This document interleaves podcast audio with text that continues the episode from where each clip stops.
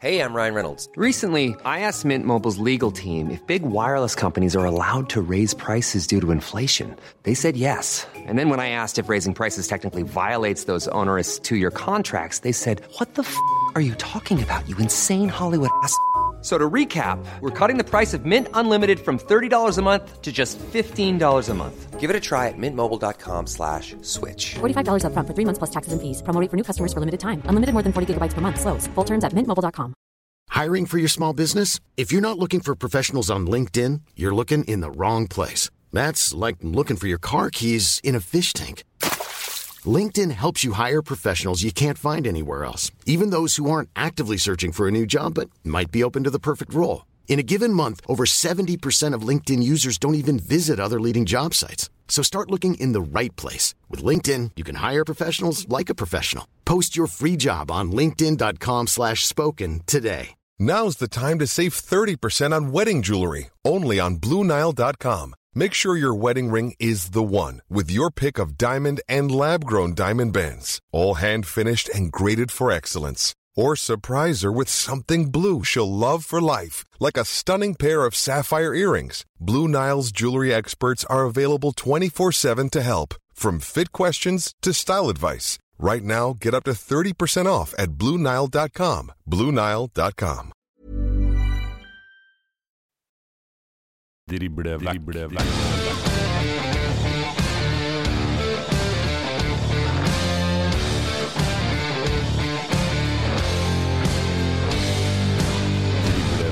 Velkommen til et nytt eh, driblevekk. Vi skriver 19. juni. Det er landslagspause, og vi alle sammen vet jo hvordan det kan gå. Mitt navn er Erik Arnøy. Ved min side vår fotballekspert Dag Alexander Gamst. Hei, Dag. Hallo, hallo. Det er bra at landslagspausen snart er ferdig. Ja, det er jaggu meg bra! Vi skal kose oss eh, med nok en episode Driblevekk. Vi skal snakke om Obos-liga, og da er det jo eh, sånn at vi gjerne kan introdusere dagens gjest. Han er 39 år. Han er hovedtrener for eh, KFUM Oslo. Hjertelig velkommen til oss, eh, Johannes Mosgaard. Takk for det. Yes, landslagspause. Er det godt med litt fri? Eller er det fri? Eh, Absolutt. Det har vært eh, ganske eh, godt, egentlig. Det har vært en hektisk periode i Obos-ligaen så langt. Og vi hadde nok å gjøre etter eh, den starten vi hadde. Så det var eh, godt med en liten pause. Henger meg på kollega Arne litt her. eh, Johannes ferie. Hva har du brukt den siste uka på? Jeg har vært så heldig at øh, jeg fikk delta, eller i hvert fall være til stede under landslagstrening på Ullevål. Så jeg var og kikka litt på 11-11-sekvensen der oppe med forberedelsen inn mot Skottland. En av få som fikk lov å sitte igjen og se på det, så det var spennende. Og så har jeg også vært og håndtert et utdrikningslag for en av mine beste venner, så det har vært øh, variert. Herlig. Spillergruppa, da. eh, De har sikkert vært eh, på ferie, men er det med et eh, treningsprogram eh, der i tillegg, eller? Ja, det har vært, eh, de fikk fri torsdag, så de har hatt eh, fire dager fri. Eh, ferie kaller vi det i fotballen, det er ikke, det er ikke store greiene. Men eh, de har nok, eh, for meg så har de fått lov å kose seg litt. Eh, puste litt. Eh, og så har de også egne programmer som de har forholdt seg til i forhold til både styrke og, og de tingene der. Interessant. Eh, vil følge litt på Kult at du sier at du var overvar 11 mot 11-treninga i, i forkant av Skottland her med, med Solbakken sine menn. Har du snakka noe med teamet etter matchen?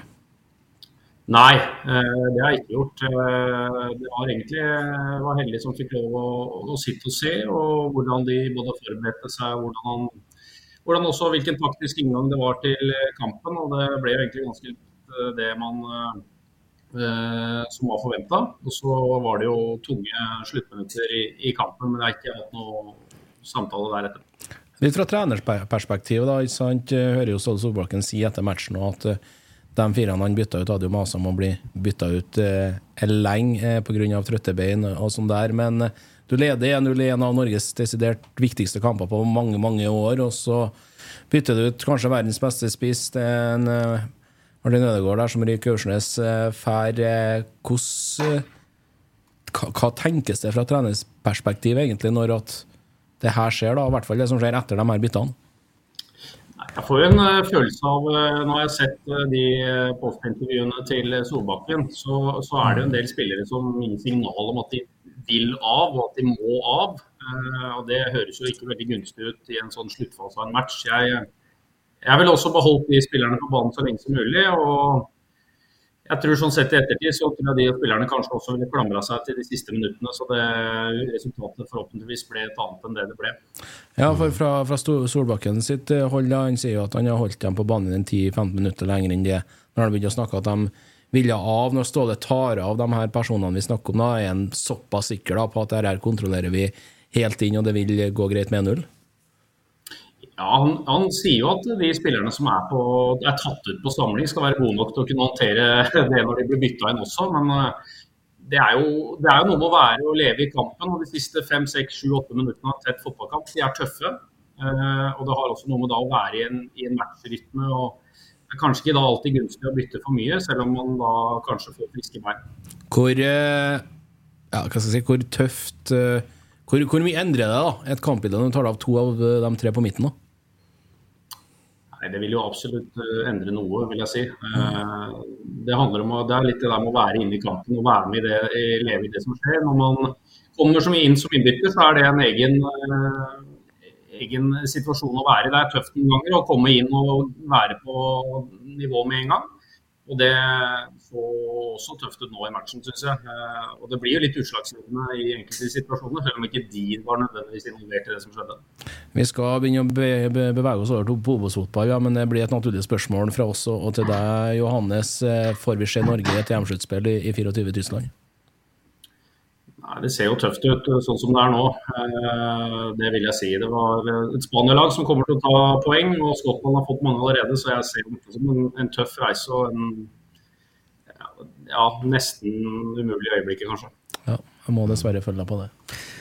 Vi sier oss enig der.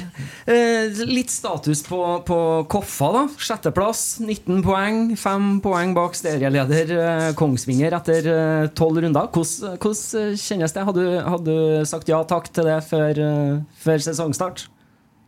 Ja, absolutt. Eh, veldig godt fornøyd med tilstanden nå når vi tar pause. Men uh, det var tøft. Og det var uh, meget tøft i starten. Uh, det var jo å kjenne litt på alle forventningene som ligger til Koffa fra før. Det har vært gjort gode prestasjoner over tid. Mister hovedtrenere og noen gode spillere. Og da er jeg veldig glad for at vi har klart å snu den trenden og den litt negative spiralen vi var inne i, og fått veldig gode resultater av den siste perioden. Ganske fascinerende med Koffa, syns jeg. Johannes, du nevner jo eh, hovedtrener Isnes reiser til Drammen. Men nok, nok, en gang leverer dere fire spillere da, til, til Eliteserien. Eh, Snakka mye om det oppe i Trøndelag her med, med Rosenborg og daværende Kjetil Direktør som, som, trener oppi her, med at mista tre sentrale spillere som sto for x antall målpoeng. og Vi starter litt eh, fra grunnen av. Er det litt det samme på Ekeberg òg, eller? Ja. Eh, du mister en, eh, vi mista jo tre av de midtstopperne som har stått mye de siste sesongene. Jørgen Hammer, Kiel eh, Olsen og Fredrik Dahl. Mm. Det har jo noe å si for et fotballag. Så litt, litt i inngangen til sesongen så syns jeg vi gjorde en god preseason. Jeg følte liksom at vi kom godt i gang der, men så er seriespillet noe annet. Ja. Og der kjente jeg litt på at vi, vi starta med en bakre firer. Mista litt for enkelt ballen og slapp motstanderen for enkelt inn bak oss eh, når vi angrep. Eh, og i kamp fire mot Åsane så måtte vi Eller jeg valgte å legge om igjen litt, spille med en bakre femmer, og da fikk vi bedre kontroll på kampene. Og jeg føler vi bare har vokst herfra, egentlig.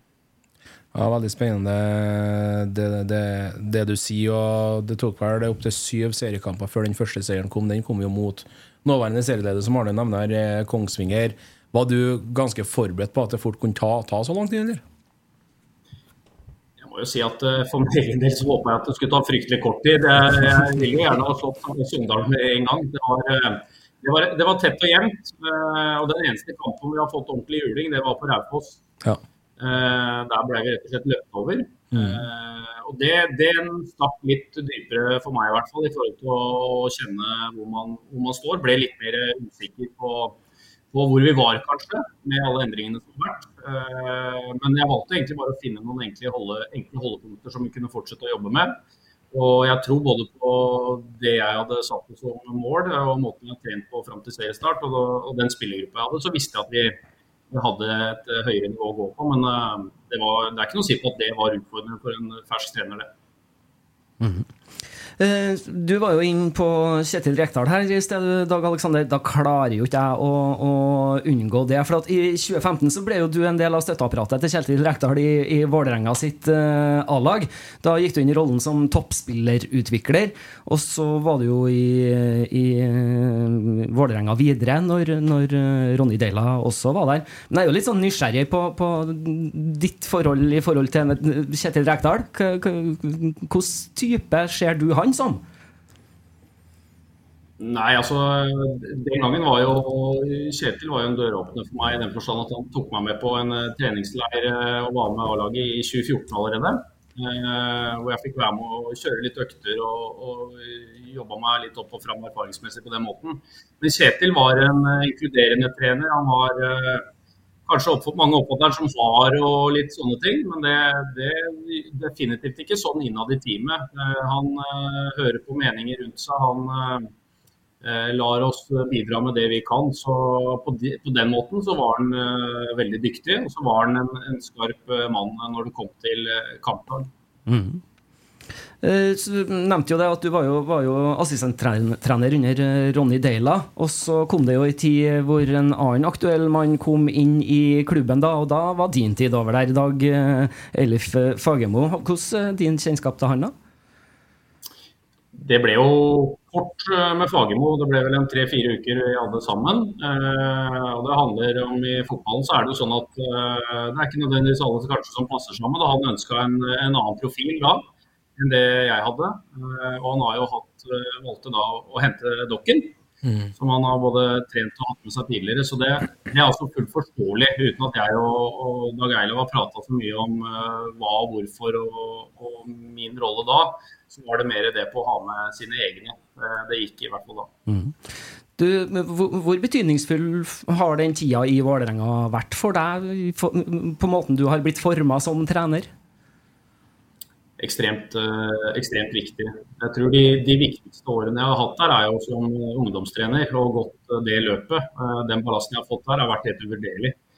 Eh, trent noen av de beste unge guttene som vi har hatt i Norge, altså Sander Berge og, og, flere av disse her. og det har Å være med på reisen til de spillerne, se hva som er viktig i en hverdag på veien mot toppen. Jobba med mye dyktige trenere, masse forskjellig. Eh, helt fra Martin Andresen sin tid, Kjetil Rekdal, Ronny Deila. Eh, sett hva som fungerer, ikke fungerer. Det har, vært, eh, det har vært en helt rå reise. og Hver gang jeg har vært klar for en ny utfordring, så har jeg fått det. Så jeg har da gått liksom trent gutter 14, gutter 15, 16, junior, rekrutt og så toppfylleutvikler og assistent. Så det, det, har vært, ja, det har vært helt avgjørende. Hva er målsettinga di da, som, som trener? Det skal gis til limit, eller? Det er vel egentlig opp til meg å bevise at jeg er god nok uh, for å ta turen til the skies. Det, det er det absolutt.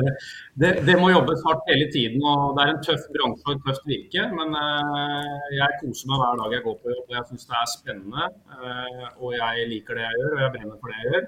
Så jeg setter ikke noen begrensninger i, i det jeg ønsker å oppnå. Hvordan er en, Du forteller jo om reisen din her, Johannes veldig interessant å høre på. Du har definitivt eh, gjort utrolig mye riktig og gått eh, trinnene på stigen, som jeg velger å kalle en sånn reise. Men eh, det å gå fra en assistenttrener da, og til en hovedtrenerjobb, hvor stor er den overgangen? Stor, vil jeg si. Og den handler jo først og fremst om at som en assistenttrener så er du litt på, litt på spillernes side også. Du er et bindeledd mellom spillergruppe og hovedtrener. Eh, i litt større grad. Man opererer på en litt annen måte. Man, eh, man, er jo et lite skjold mellom der, og man jobber med å hente spillere opp som er nede. Man avlaster hovedtreneren på mange mulige måter der. og så Nå sitter jeg i situasjoner hvor jeg må si du spiller ikke. Mm. Eh, og sånn er det. Og, det. og det er mer den der konfronterende delen av eh, jobben. Det er jo det tøffe. Når du tar et laguttak, du vinner ikke kamper. Det å stå i det, begrunne hvorfor du har valgt som du har gjort. Eh, og stole på deg sjøl og stå rakrygga i det. Det er, jo, det er, jo, det tøffe, og det er det, det som er krevende med, med, denne jobben. Forholdet ditt da, til forgjengeren din, Jørgen Isnes, som, som reiste til Godset, har du mye kontakt med ham fremdeles, eller? Ja, veldig. Eh, vi diskuterer fotball stadig vekk eh, over telefonen. Eh, vi fikk et veldig godt samarbeid, jeg og Jørgen. Eh, vi hadde en klar ambisjon når jeg kom til Koffa om at jeg hadde lyst til å bli hovedtrener. Og han hadde lyst til å komme seg opp i Eliteserien. Så den, den planen la vi med en gang, men vi måtte levere resultater. Så, så han var attraktiv for eh, neste nivå, eh, og det ble han. Eh, Jeg syns vi også heva kvaliteten på Koffa, så vi, vi har et godt forhold og prater mye ball eh, i dag også. Godt å høre. Målsetningene til Koffa, da? Er det først og fremst i år å, å bevare plassen i Obos-ligaen? Ja, eller det å bevare plassen, det er jo et eh, absolutt. Men uh, vi ønsker å være med og, og prestere sånn som vi har gjort den siste tiden. Og gjør vi det, så er vi absolutt kapable å være med og, og spille om uh, kvalikplassene til uh, eliteseriespill. Og det, det er det som er gøy i Obos-ligaen. Det har vært noen fantastiske opplevelser å være med på det, og det har jeg lyst til å oppleve igjen. Så vi, vi går for å, å vinne hver kamp, og så får vi se hvor langt det tar oss. Ja, for vi ser jo Dere skaper jo resultater, og, og dere eh, har jo, ligger jo på en sjetteplass på, på tabellen. Hakk i hæl av de som, som ligger oppi der. Men så er det noen ting med det der med bygge lag og bygge klubb. Eh, er Koffa klar for å spille kvalifisering til eliteserie? Eh, vi er klar for å spille kvaliken, eh, men om vi er klar for å spille Eliteserien, det er jo mer et, eh, et anleggsspørsmål sånn, eh, og, og litt sånn infrastruktur. Det, der har vi jo ikke det som skal til. Eh, og Det er en stor utfordring, og der er det mye politiske debatter og alt mulig om dagen. Jeg føler det er det vi mangler eh, og trenger. Fordi vi har en god, god base nå. Det jobbes på Ekeberg, men det er jo klart det er jo, det er jo i, altså, strukturen rundt. altså Anlegg, treningsfasiliteter, stadion, alt dette her. Der er jo Ja, vi er vel fort eh, svakest i ligaen. Men eh, angående eventuelt nytt eh, anlegg, Johannes. Det er helt klart et politisk vedtak og, og et Sirius, Sirius uten ligge som skade for å få på plass og sånt. Men har i hele tatt dere som klubb noe makt noe dere skulle ha sagt i en sånn type sak? Ja, jeg, jeg håper jo og tror det. Vi, vi hadde jo politikere oppe her nå for noen dager siden på Ekeberg til en sånn politisk debatt. Men eh, de, de prater mye, og så er det handling som er greia. Eh, og Det er det vi trenger nå. Eh, Anleggssituasjonen i Oslo er jo fryktelig. Både Skeid har et halv, halvveis OK-anlegg. Eh, Grorud har vel så som så. Lyn har vel ikke noe i det hele tatt. Låne Bislett. Vi har det vi har. Kjelsås har en dårlig bane. Altså det, det, er jo ikke, det er jo fryktelig for, eh, i, i toppfotballhenseende. Det er jo bare Vålerenga som har det som skal til. Så jeg føler at uh, går vi til en annen hovedstad eh, rundt om i, i Europa, så tror jeg ikke vi er i, Der er vi nok helt på bånn. Dessverre. Sånn økonomisk sett, da, har dere eh, muskler og, og nettverk til å kunne på en måte legge til rette for at dere skal få det her på plass, hvis det politiske kommer på plass? Alt, alt det er klart. Helt fantastisk. det ligger klart, og der har vi KFM som forening er jo, er jo en veldig solid eh, forening sånn sett, mm. hva jeg har forstått. Så der ligger alt eh, inne som det skal, planlagt, tilrettelagt. Og så handler dette om noen lånegarantier eh, og renteopplegg som ikke jeg har helt kontroll på. Men eh, der er det noen, noen politikere eller noen, eh, noen maktmennesker som må, må si ja takk til det, hvis vi får lov å kjøre på. For eh, vi har alt på plass. Spennende. Eh, krysser fingrene for at det løser seg for dere, og det er viktig for dere, det er viktig for Obos-ligaen, det er viktig for norsk fotball og Oslo som hovedstad, og at eh, det begynner å se skikkelig bra ut på, på utsida også.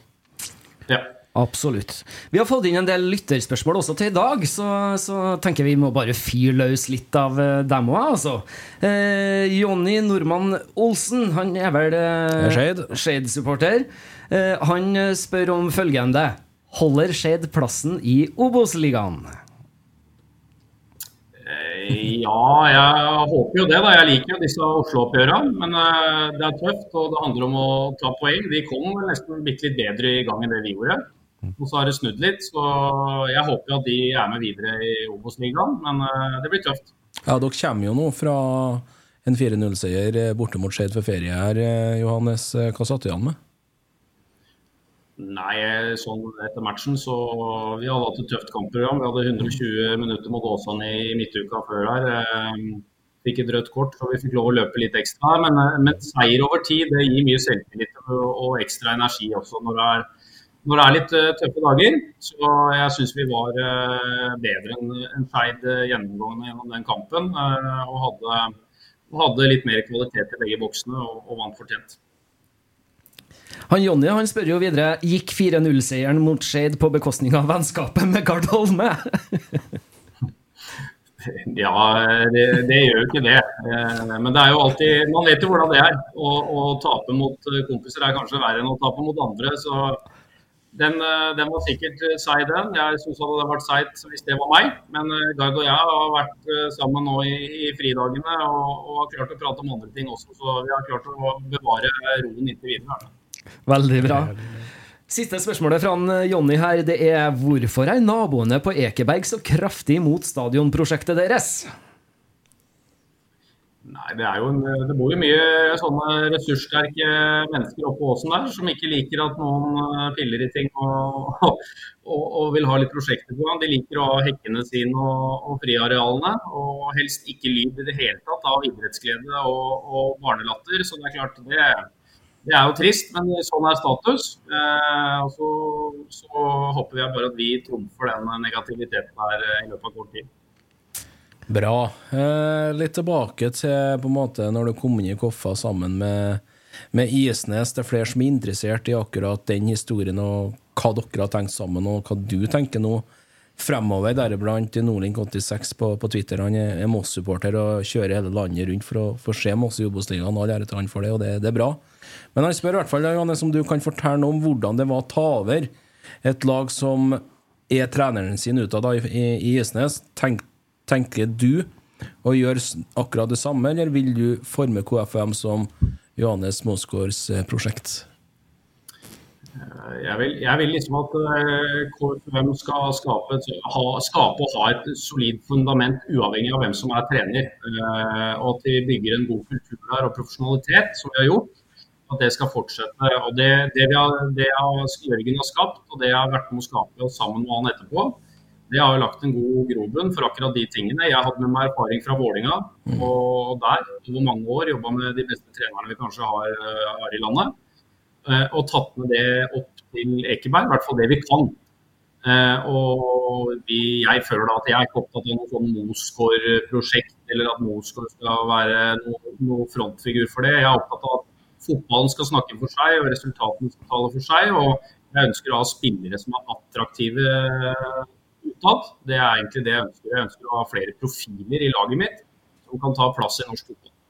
Når at du sier at du har tatt med deg en god del erfaringer, kunnskap fra, fra Vålerenga-tida, da du samarbeider med, med, det du betegner som en av de beste trenerne vi har her i landet, kan du plukke ut en to-tre ting for oss eh, du mener som er best, da, er bra? Ja, altså for, for, min del så var jo Ronny var jo en, en uh, utrolig dyktig trener på treningsfeltet. Altså mm. Da snakker vi med, med, krav til å være 100% trene 100% uh, tilstedeværelse i alt man gjør, stille krav til enkeltspillere. Både samtaler med enkeltspillere hele tiden. Fulgte opp han, Eh, også den delen av, av, av lagsbygginga. Og Det mener jeg har vært uh, noe som har vært veldig viktig for meg å ta med. Uh, for at Hvert enkelt individ må fungere, både de som spiller og de som ikke spiller, for at laget skal kunne utvikle seg. Så Det har vært kanskje nummer én da, det jeg har sett. Uh, og så er det også en sånn en, en vinnermentalitet. Det å ikke tro at, å tenke at noen er bedre enn deg. og Det har jeg tatt med fra, fra Kjetil. En kul reise Ronny Deila er i ferd med, med, å få. Celtic eh, en tur til USA, Standard Liège, og nå skal han trene et Champions League-lag i, i, klubb Brygge. Snakker du mye med Ronny, eller? Har, eh, har dialog med Ronny, og vi snakker sammen. Nå er det mye hektisk på han og mye som skjer. Men eh, det er utrolig spennende å følge med og, og få lov å være med på litt av reisen hans. Og også få input av det han er med på. Eh, det er jo imponerende. Mm. Han har jo gjort det bra overalt, bortsett fra sånn i hermetegn Vålinga i forhold til resultater, og det er jo litt interessant. Uh, han har jo fått det overalt ellers. Så jeg håper jo og tror at noe av det jeg har tatt med meg fra han, er, jo, er det veldig god standard på. Ja, Veldig spennende det du, det du sier, og gleder meg til å følge reisen din når du forteller, på, forteller forspillet ditt, for å si det på den måten. Ja. Mm. Ta med oss et uh, lytterspørsmål til her, fra Firelock på Twitter. Han har også tre spørsmål her. Eh, begynner med hvorfor hadde KFM en så dårlig start på sesongen? Det har nok med litt med samspillet i en ny gjeng å gjøre. Eh, ny trener. Eh, jeg endra formasjon. Var kanskje litt for eh, romantisk og litt ambisiøs i starten. Eh, og det litt for tidlig, kanskje. Og det, når seriekampene starta, så ble vi straffa litt for lett. For det er jo litt annet å spille med den type press enn i treningskamper.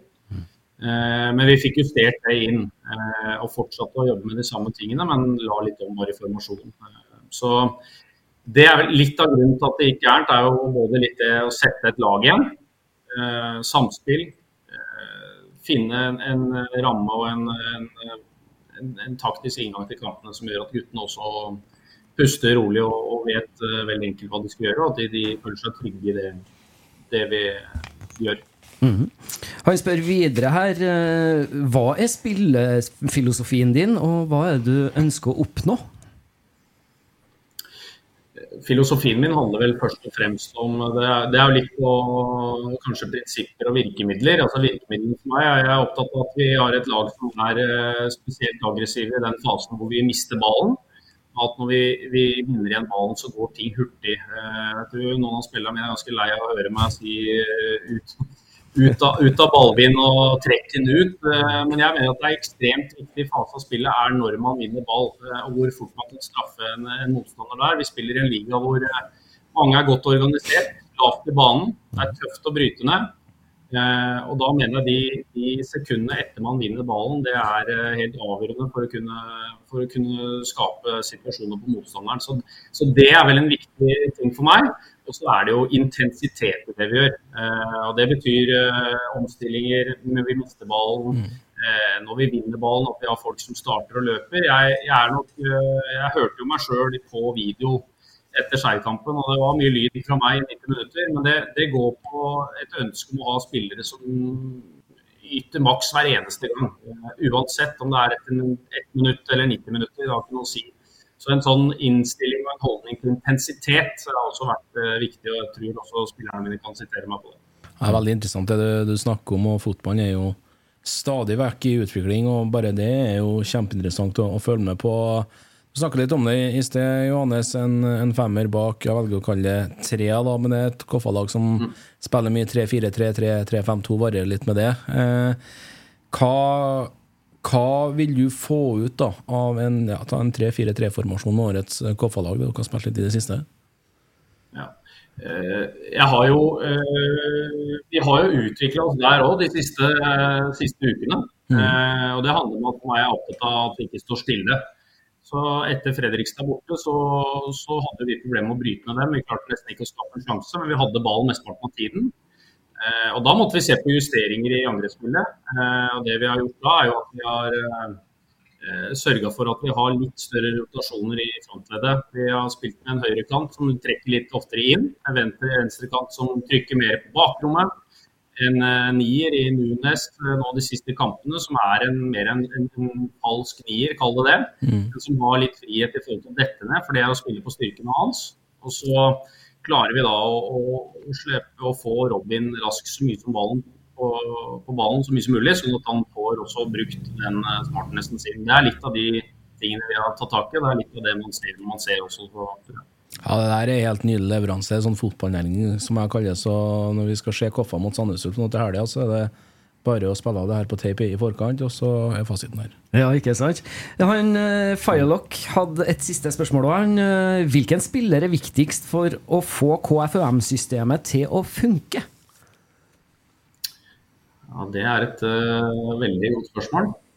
Det er, jo, det er jo ganske komplekst. for det, Hvis ikke en Robin Rask har noen å spille på i rommene foran seg, så jo, vil jo han heller ikke skinne.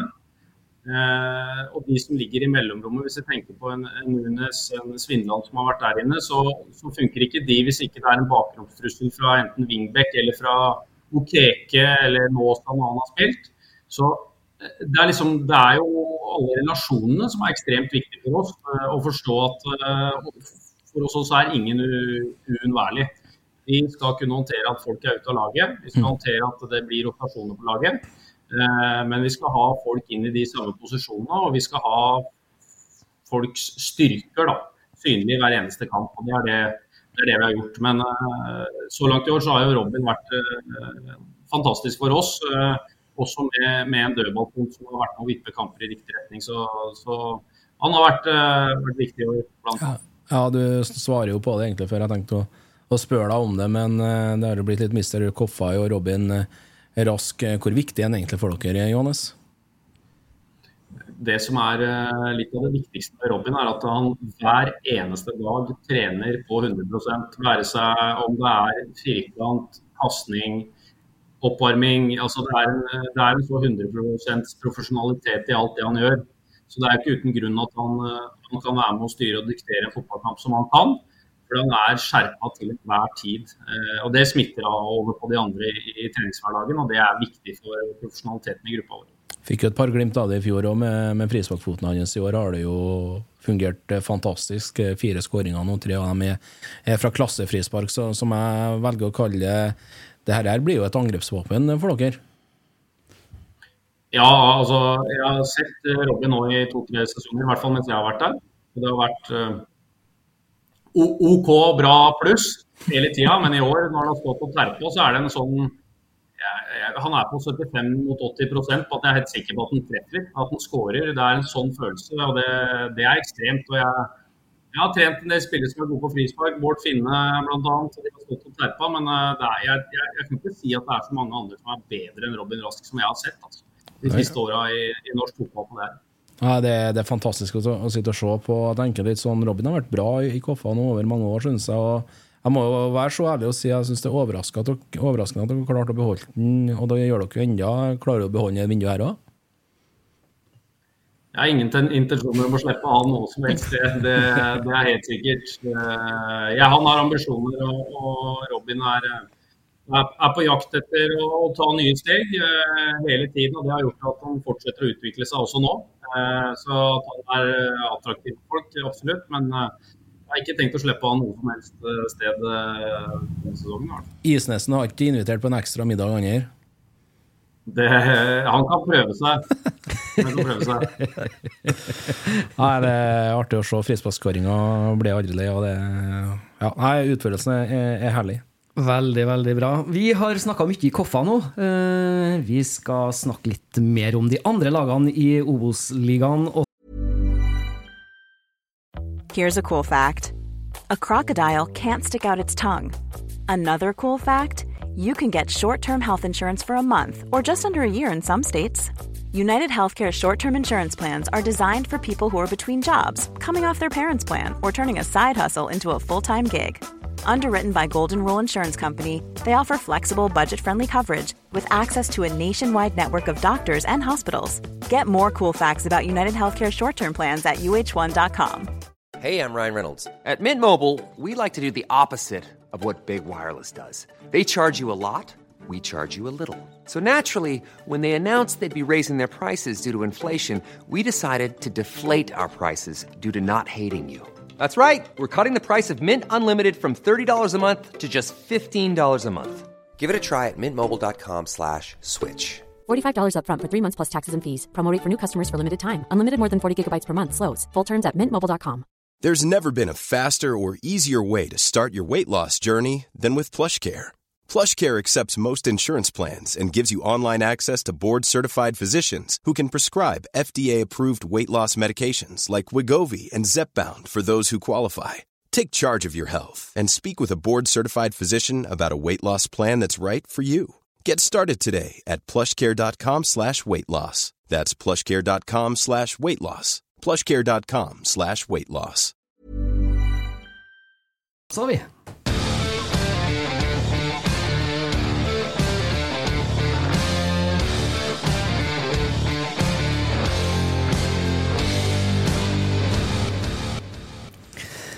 Yes! Eh, vi har jo som nevnt eh, sagt at dere ligger nå da etter tolv runder på en eh, sjetteplass på tabellen, men veien opp til toppen er virkelig ikke lang, altså. Kongsvinger på topp sånn som det står seg nå i landslagspausen. Hva, hva tenker du om, om serielederen så langt i år, du, Johannes? Sånn Ut ifra de kampene vi har hatt til eh, nå i år, så synes jeg at Kongsvinger har vært eh, det, den beste motstanderen vi har møtt. Eh, synes de var dyktige i mange faser av spillet. De hadde en, en rekke momenter i, i, i frispillinga si bakfra. Stort trykk forover i, i sterke spisser.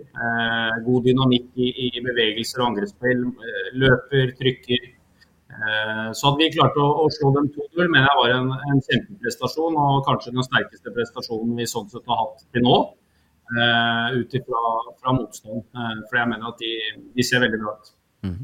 Hvilke lag er det du mener peker seg ut per nå da, til å, å kunne, kunne, ta de direkte opprykksplassene når vi står etter 30 spilte? Syns Kongsvinger ser veldig bra ut. Jeg liker det jeg ser der. Og så har du et Fredrikstad-lag som er utrolig kynisk. Eh, forsvarer seg ekstremt godt i alle kamper. Eh, får med seg poeng stort sett hele veien, litt overalt. Eh, utrolig vanskelig å bryte ned. Eh, og Det er det ikke mange lag i ligaen som kommer til å klare heller. Så Hvis de klarer å bevare det, fortsette å ta poeng, eh, være med hele veien, så tror jeg de kan bli et lag å, å regne med der. Eh, så jeg ville sagt de lagene der. Og så får du Jerv har variert, eh, litt opp og ned. Sogndal litt det samme rundt der. Men jeg tror liksom, jeg syns Kongsvinger og Fredrikstad er der med det de har levert. Og så, hadde ikke, så vet jeg ikke helt KBK har også variert litt for mye til at jeg er sikker på at de går rett opp. Mm. Hvem rykker ned, da? Jeg vet ikke om jeg skal uttale meg så mye om det. Det er, eh, det er en tøff reise. og de lå på sisteplass vel etter fire runder, vi sjøl. Eh, og har klart å snu det og, og, få ting til å skje. Det kan skje med andre også. Så det blir en tøff reise, men uh, ofte de som er der på det her tida etter en, en når vi nærmer oss halvveis, vil jo kanskje være i den, i den dansen også når vi nærmer oss slutten. Mm. Eh, fortsetter litt på et par lyttespørsmål her. Mr. Dock er litt ut av radaren min, men vi prøver. Hvorfor har du valgt å satse hardt på uerfarne Tønnesen? Ja, det er uh, uerfaren, ja. Han uh, hadde Før i år så har han vel bare spilt fjerdedivisjon, faktisk, uh, for oss. Det handler litt med, med type. vi kom til fjerde serierunde. skulle inn og spille med tre stoppere. Da kan man velge, velge, en som har litt mer erfaring, kanskje. Men potensialet til Tønnesen med en strålende venstrefot som en venstre sidestopper Eh, ekstrem fysikk i forhold til headerferdigheter, utrolig rolig på ballen. Han har vært midtbanespiller hele livet. Mm. Så så jeg vel egentlig bare en større gevinst over tid, eh, og valgte da å, å ta, en, eh, ta, den muligheten. Og så har han vist seg muligheten verdig. Så det er egentlig det er hans fortjeneste selv at han eh, fortsetter å få muligheten. Men han har gjort det veldig, veldig bra så langt. Ja, veldig, veldig spennende å følge. Og ja, mm. tøft satsa. Hva tenker du så langt er den største overraskelsen for deg i, i årets Obos? Ja, det er vel egentlig hvor jevnt det er. Er jeg synes I fjor så hadde du lag som altså, Brann etter hvert, og jeg syns Stabæk var som generelt solide. Det var liksom, og Du fikk tre lag i bunnen som ble der. Eh, men nå er det Alle slår alle hver runde. Eh, det er vel sikkert fra 2,10 til 2,50 odds på uansett hvor det er borte hjemme. Så det er, eh, det er ekstremt jevnt. Og det er eh, en, en dødballfest på enkelte lag, både på Jæren og mm. i, i Hødd og på Ulsteinvik. Altså det, er, det, er, så kompleks liga. Det er tøft å bryte ned Fredrikstad. Du må gjøre det. Du må møte Kongsvinger, som er utrolig gode med ball og kan frispille. Du må håndtere og presse de det, det, det, er så store skifter fra uke til uke, så det er, eh, det er vel en eh, man er ikke overraska, men det er uh, utrolig spennende å være en del av. Mm. Er imponert over de to uh, nyopprykka lagene som, som, har prestert greit så langt, da? Ja, jeg syns uh, Det er vel mange som sier at det er tøft med, med Hødd og dødballshowet de kjører. Det er, men det er en mulighet, og de har funnet sin vei. Og Det er absolutt lov. Det er steintøft å møte. Jeg syns det er en rå mentalitet i gruppa si. Så det, det, har imponert meg. Og så Moss syns jeg rett og slett var gode mot oss. Vi var bitte litt heldige mot slutten her, som klarte å skåre to på overtid. Men uh, det er fordi vi ikke er så halvdårlige sjøl. Men uh, de, de, de, også kommer med en helt en ny måte å spille på som ingen andre gjør. Så, bruker uh, ja, så det er, det, er, det er, spennende. Kjempegøy å. Mm. Ja, nei, Jeg er helt enig med Johannes i det. Moss vi sier det vel egentlig hver episode her, de reiser landet rundt her og har null respekt for enhver motstander og går ut og spiller spillet sitt. Og på Melhus så har de jo Det er jo der de har plukka største delene av poengene sine. De har ikke vunnet borte hit i år med oss, men uh, en borteseier nok, uh, kommer nok til å komme uh, over feriene her. Vi var inne på det ganske tidlig i, i episoden. Johannes, talentfabrikken Koffa sender spiller etter spiller til Eliteserien, og det er en kantspiller som reiser til Bodø nå i, i august. Det er det vel i, i, i Nåsa Dal.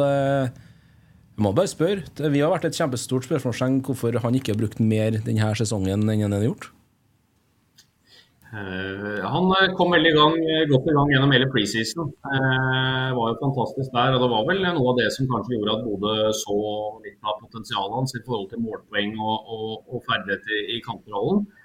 Og så er det tøft å være en ung spiller. Han kom fra Frigg et år før. Ett år i Obos-ligaen.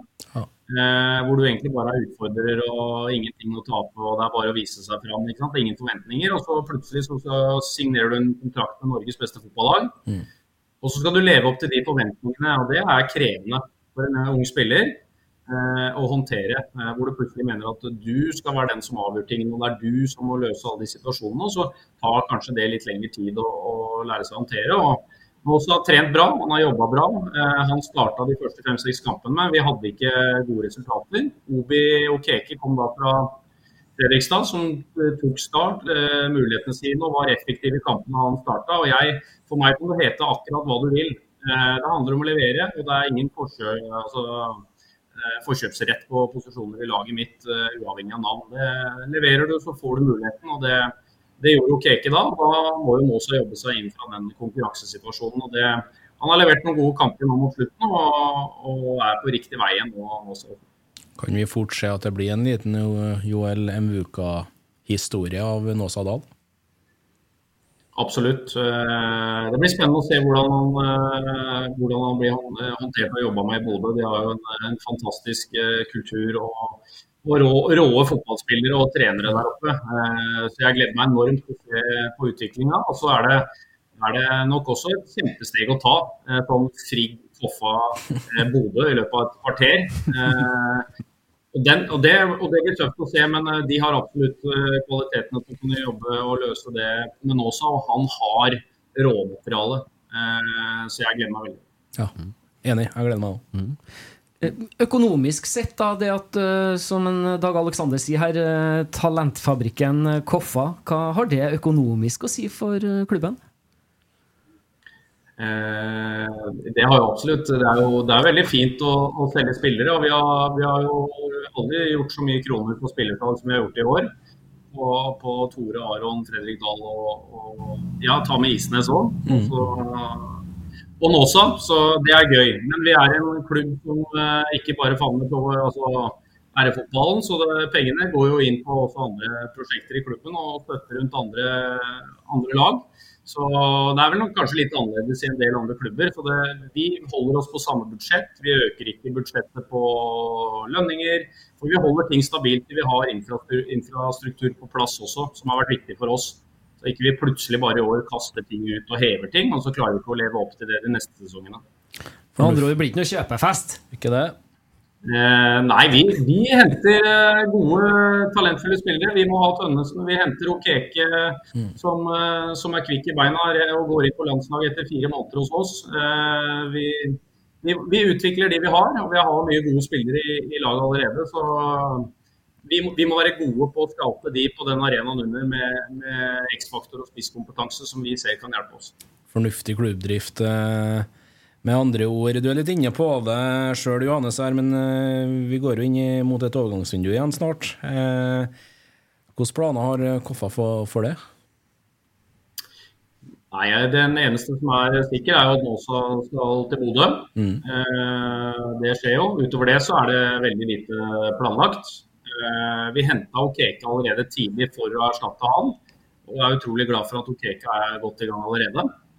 Eh, og tatt over den eh, stafettpinnen og, kommet seg inn i den rollen. Og så er vi alltid på utkikk etter andre ting også, og spillere, og jobber med det. Jeg har en ekstremt dyktig sportssjef i Daniel Fredheim Holm, som er kanskje en av de råeste har en av de råeste fotballøya og fotballhjernene som jeg har vært borti. Og jeg har hatt gleden av å trene nå i Vålinga.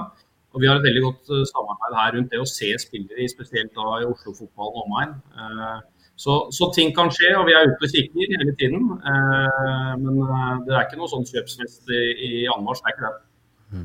Nei, for Jeg var litt nysgjerrig på det. Hvor mye er du ute i bydelene og, og kikker på fotball i, i Oslo?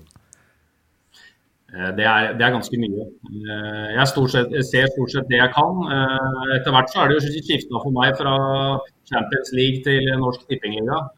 Jeg ser heller det. for det er en, en, arena for oss som er ekstremt viktig å se på. Det er spillere der som plutselig dukker opp som om å være klar til å kunne ta unna. Vi, vi har jo henta Nåsa derfra, vi har henta mye av det vi har fra den arenaen. Sverre Sandal henta vi fra Nordstrand, har spilt mye for oss i år. Eh, så jeg er ute og ser mye. Eh, og Daniel er ute og ser mye. Så vi har eh, alltid øye på plass her, i, i hvert fall i, i nærområdet. Mm. Veldig spennende. Ja, det er det. Helt klart. Det skjer fungere. Så absolutt. Dere produserer, så det er veldig, veldig bra. Eh, Dag var innom det her i sted, at til helga, søndagen, så skal dere få besøk av Sandnes Ulf på hjemmebane. Skal jo ikke spørre deg om matchplan akkurat, men, men hvordan har dere tenkt å, å angripe det her oppgjøret? Nei, vi, vi, vi, fortsetter med mye av de samme tingene vi gjør. Der, folk ser video av oss. De vil nok se at vi har gjort de samme tingene nå over tid. men det er ikke bare å nøytralisere det eller gjøre det i fotball. Veldig mange lag er opptatt av seg sjøl. Eh, og da, det, da det, det, gjør også vi, selv om vi har kontroll på hva motstanderne kommer med. Men jeg synes Sandnes Ulf er et lag med et veldig høyt toppnivå, og så svinger det veldig. Uh, så det er litt å håndtere to-tre gode angrepsspillere der i både Høyland er når han kommer inn, og de har en, en han godeste Rams, Ramsland. og det er mm det er trøkk i det som skjer, eh, og gode sentrale spillere. Så det, det, blir en tøff fight. og det er tøffe fighter i hver kamper, Men eh, oppe på Ekeberg nå så har vi liksom kommet i gang med gode prestasjoner. og Det håper jeg vi kan fortsette med. Mm. Ja, helt enig. og det en kan bare se fram til i kommende runde. Bjarne Berntsen vet aldri hva han kan finne på. Men det er et Koffa-lag som har begynt å få fart på maskineriet. De er gode hjemme. Det er to lag som starta ekstremt Dårlig riktignok. Sandnes Ulf åpna vel med seier 4-1 hjemme mot Skeid, og så gikk det ganske på, på tverka før de slo Mjøndalen borte på, på Konstå. Men jeg holder faktisk Ikke faktisk, men jeg holder Koffa som favoritt i den kampen. Mm. Og så er det jo en eh, bortetur deretter, eh, Johannes. For da skal dere til et lag som også har trøbla bra i starten av sesongen. Mye skadeplager og, og eh, ikke hadde de helt store resultatene, nemlig Jerv. Hva, hva tenker du om dem som motstand? Hvert, vært, de også har jo satt sammen en del nye gutter i år. Uh, og har henta inn en del X-faktor. Så de har jo gutter i front der som har vært ekstremt gode i overgangsspillet. Uh, dem er det stor fart i. og så har det variert veldig når de ikke har vært tilgjengelig. Jeg synes Da har de sett litt mindre gjennombruddshissige ut. Så Eh, litt sånn prøver å sette en ny gjeng, de også. Men ganske tøffe å, å, slå nede i, på eget gress. Og vi har vært der en del tøffe bataljer. Så jeg er, veldig, jeg er spent på det. Det det er, eh, det er vrient å, å, forutse disse, utfallet av disse matchene. Men uh, får de lov å, å, kjøre overgangsspill med fart, og vi er uforsiktige med ballen, så, så, blir det tøft. Mm. Hvis du skal peke på ja, vi kan si to ting, da for at Koffa skal nå si målsetning denne sesongen, og sånn som du forteller, så er det jo å få playoff. Eh, hva tror du blir avgjørende? Eh, jeg er litt opptatt av at vi, det vi også har fått, er en, en stabilitet i elveren som man setter i banen. Mm. Det har vært litt viktig. Jeg synes de siste også årene i Koffa så er det i hvert fall litt for mye bytter. Så jeg håper å ha en, en, litt, en sentral gjeng som kan stå. og så så bytter man litt, litt i den. Så man holder da en stabilitet i relasjoner og, og samspill. Og det føler jeg vi har gjort nå den siste tida. Så det, det, er det jeg vil si. Altså en stabilitet i de som skal spille. Bra. Eh, alle sammen Johannes, får det her spørsmålet av meg når de gjester oss. Og det er så enkelt som hvis du får valgt én spiller i Obos-ligaen som har fått henta på Tekeberg, hvem er det? Uh, ja, det er jo, jeg har jo en jeg er veldig glad i. Det er han eh, Sondre Ørjasæter i Sogndal. Ja. Mm. Han har en utrolig X-faktor uh, både ferdighetsmessig og med, med, med dribleferdigheter, fart, avslutninger. Jeg syns han er spennende å se. Så han er jo attraktiv. Og så syns jeg Noah Williams i FK mm er en litt samme type spiller. Det er dette med X-faktor som vi er litt opptatt av i, hos frontspillerne våre, og det mener jeg han også har. litt, av det. Og så er det jeg er veldig imponert over han Broholm, som er gått i, i KBK. Den, den, hadde jeg nok ikke på papiret for en stund siden, men den har han imponert meg både i matchen mot oss og det jeg har sett han så langt. Så det har vært gøy å se. Fikk tre kamper til nå på, på Nordmøre her. Broholm, tror du han får tre utover det òg, før Svein Målen ringer og sier du skal hjem til Lerkendal? Ja, jeg håper at de følger med på han eh, på det som gjøres. Jeg synes Han har vært, eh, han var eh, kanskje KBKs beste mot oss. Både med ferdigheter og valg han gjør med ball og, og, mye av intensiteten i spillet. Så det, det vil ikke være utenkelig. Men det er klart Rosenborg er i en ganske trykka situasjon. Så jeg vet ikke hvor mye de tør å lene seg på, på de unge aspirantene her. Men han er nok en kandidat for å, for å høre hjemme på Lerkendal etter hvert. Mm. Meget uh, talentfull uh, spiller, så absolutt. Uh, litt nysgjerrig på hva vil du beskrive som Obos-ligaens vanskeligste bortebane? Sånn alt tatt under ett, hvis du tenker på reise, værforhold, motstand ja, ja. osv.? Den, den er ganske enkel for oss. Det er Raufoss. Eh, der har det vært Jeg vet ikke hvor mye mål vi har sluppet inn, inn, i de kampene vi har hatt der oppe de siste åra, men det har vært mye. Eh, det er eh, to og en halv time på buss opp i skogen. Det er en enorm intensitet i de når vi kommer ut. Det har vi ikke klart å matche bestandig. Vi slo dem i fjor høst. Mm. Eh, men da var eh, trener på vei ut, og det var en litt nedadgående spiral på hele gruppa. Men eh, vi ble løpt over der oppe. så det er, det er en enorm, sånn, De har en sånn enorm energi på hjemmebane. Så ja, jeg vil jo si at uh, det er et leit sted å reise. 4-0-tap uh, i år, seier i fjor og 5-4 i siste serierunde sesongen før der. Uh, stemmer det? Stemmer det. Og så ja. tapte vi også Vi tapte vel 5-1 der oppe i det, i det, året vi røyk på slutten. Så, eller jeg var med, da fikk vi 5-1 i sekken der oppe også når vi hadde Jesper Toje og gutta i bakre rekker. Så vi har fått litt uh, julinga på der. Ja, det er, en, det er, for å si det sånn, det er en kamp um, rettighetshaver tar ut som en TV-kamp, da, ut mm. fra historien. Mm. Ja, det er moro. Det er veldig, veldig, veldig moro. Hva tenker du om uh, Vi var jo litt innom uh, landslaget i sted, men jeg må jo spørre, for uh, i morgen så spilles det landskamp igjen. har du noen forhåpninger om at vi vil gå seirende ut av den, du, Johannes? Ja, jeg, tror, jeg, jeg, kjenner jo på nå at, det, at de vil. Eh, jeg tror den, den var stygg, den eh, smellen vi fikk nå. Og jeg tror den vekker eh, de gutta selv om de kanskje er slitne osv. Nå, nå handler det om litt ære og stolthet også. Vi er en nasjon som ikke har vært i mesterskap på ja, hva var det, 2000 forrige gang. 2000, riktig. Ja, så det er klart, det, det her holder jo ikke. Vi kan, si at vi er en liten fotballnasjon osv., men vi har noen av de største stjernene i verden på laget vårt. Mm. Eh, vi, vi, må legge lista der hvor vi klarer å komme oss til mesterskap som Sverige, Danmark, eh, Island har vært med. Altså, her er, her, ja, da må vi slå Kypros. Eh, og det handler også om en, en klar mentalitetsendring også, mener jeg. for nå, nå må vi, Det er ikke noe spøkelse ute og går ingenting. Nå må, nå må vi på jobb. Mm. Men hvor heftig er egentlig den mentale jobben for den spillergruppa der, da, som går på den smellen som de gjør mot Skottland? Hvor, hvor, vanskelig er det å omstille seg til å kunne angripe den matchen i morgen med, med største selvfølgelighet om at vi skal vinne? Ja, det, er, eh, det er jo litt sånn uten sånn sammenligning for øvrig. Når vi får 4-0 borte mot Raufoss, har jeg lyst til å spille ny kamp med en gang. For du har lyst til å vise at du er bedre. Mm. Eh, og det håper jeg og tror at de tenker også. Det virker sånn. Eh, og da eh, Ja, det, det, er noen ganger det gir litt energi. Jeg håper ikke vi er der hvor liksom, motivasjonen er dalende og at liksom, vi mister litt trua. Det, det, nekter jeg å tro at vi er der nå. så jeg jeg håper å se et lag som uh, tar litt kontroll på kampen og, og, og får satt Haaland opp i gode posisjoner foran mål. Det, det er viktig. Mm. Hva tenker du, Dag? Har du noen forhåpninger, du? Ja, jeg, er egentlig jeg er ikke så inne på den mentale biten, også, men jeg er helt sikker på at Norge slår Kypros på Ullevål i morgen. Det, alt annet ville bare vært veldig rart, selv om det var en forferdelig knekk mot Skottland på, på lørdag. Og vi har, vi har, gode fotballspillere. Vi har verdens beste spiss. og Aursnes har vokst. Martin Ødegaard er kaptein for Arsenal, og vi har mye spennende spillere. og Det er faktisk så enkelt, sjøl om EM-billetten begynner allerede å ryke form, form av kvalik. Men hvis vi i hele tatt skal ha noe i et mesterskap å gjøre, så må vi i hvert fall slå Kypros hjemme på Ullevål. Man skulle tro det.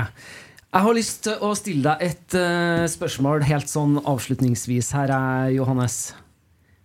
Hvor er de beste vaflene? Er det på Nordre Åsen, eller er det på Ekeberg? Vet du, eh, Så lenge vi er best på ball, så kan Nordre Åsen få ha de beste vaflene. Lett svart. og da, da er jo det på en måte en fortsettelse at det nesten at vi må ringe Gard Holme om han blir med oss eh, neste uke. Det er overhengende fare for at han blir invitert som gjest neste uke, ja. Eh, Johannes, vi sier tusen hjertelig takk for at du tok deg tida til å være med oss i dag. Det setter vi umåtelig stor pris på. Vi ønsker deg riktig til lykke resten av Obos-ligaen 2023, og håper at vi kan få lov til å ha deg med som gjest ved en senere anledning også. Ja, tusen takk for det. Det har vært en glede å være med. Veldig bra. Da får du kose deg gjennom videre i landslagspausen, og lykke til med match til helga.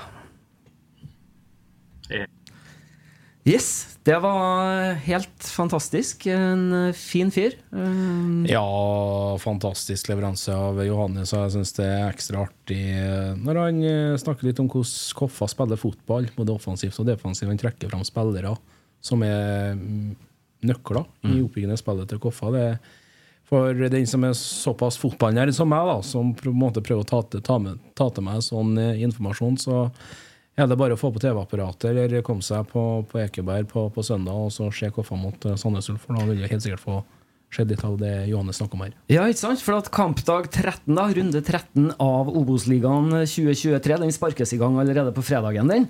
Da spiller Start mot Jerv, og så er det noen lørdagskamper her. Det er Hødd mot Bryne, Ranheim mot Mjøndalen og, på, ja, og Sogndal-Fredrikstad. unnskyld. Og på søndagen så spilles eh, Koffa mot Sandnes Ulf, Åsane mot Kristiansund, Moss mot Kongsvinger og Raufoss tar imot Skeid. Og de matchene her de skal skal vi jo vi snakke ganske mye mer om eh, nærmere helga, for da skal vi gjøre en ny før runden spesial og komme med litt eh, hjemme uavgjort bortetips, og det har vi jo vært skikkelig gode på så langt. Ja, det er en grunn for at Obos-ligaen igjen og Johannes eh, sier alle slår jo alle, og vi har ikke klart å truffe på mer enn tre tippetegn i hver runde. Arne. Vi har ikke det. Er ekstremt usikker på om vi klarer noe mer enn tre i kommende runde, for det er helt åpne fotballkamper. Ja, nei, vi må i hvert fall opp på halvparten. Vi må begynne å komme oss på jobb, så får vi se om vi fortjener fotballferie etter hvert. ja, ikke sant. Yes, nei, men Vi sier tusen hjertelig takk vi til alle som har fulgt oss i dag. Takk for alle som har sendt inn spørsmål. Og så håper vi dere vil følge oss i sosiale medier. Vi er på Twitter og Instagram. Dribleback heter vi der. Og så vidt det at denne episoden og tidligere episoder de kan du se i opptak på Nettavisen og på nidaros.no. Og så er vi tilbake da før helga med Før runden spesial. Vi takker for følget for denne gangen og ønsker dere riktig god fotballuke videre. Og heia Norge! Drible, drible, drible.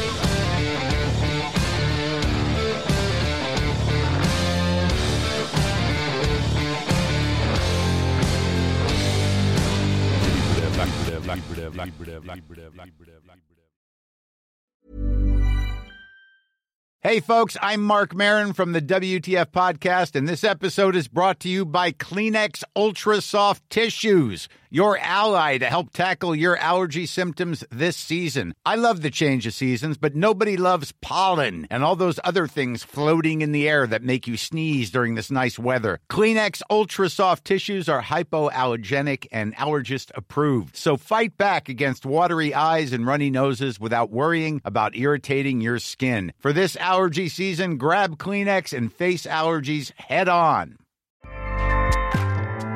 ACAST powers the world's best podcasts. Here's a show that we recommend. The Real Housewives is a guilty pleasure for most, but if you're looking to not feel guilty about that pleasure, tune in to Everything Iconic with me, Danny Pellegrino, where I break down all the messy moments and behind the scenes antics of Bravo's popular franchise. And on Everything Iconic, I also interview celebrity guests like Kelly Ripa, Kiki Palmer, Drew Barrymore, Cameron Diaz, and more about their guilty pleasures, their past work, and so much more. So if you're pop culture obsessed and find yourself watching way too much reality TV like me, tune in to Everything Iconic with Danny Pellegrino wherever you listen to podcasts. ACAST helps creators launch, grow, and monetize their podcasts everywhere. ACAST.com.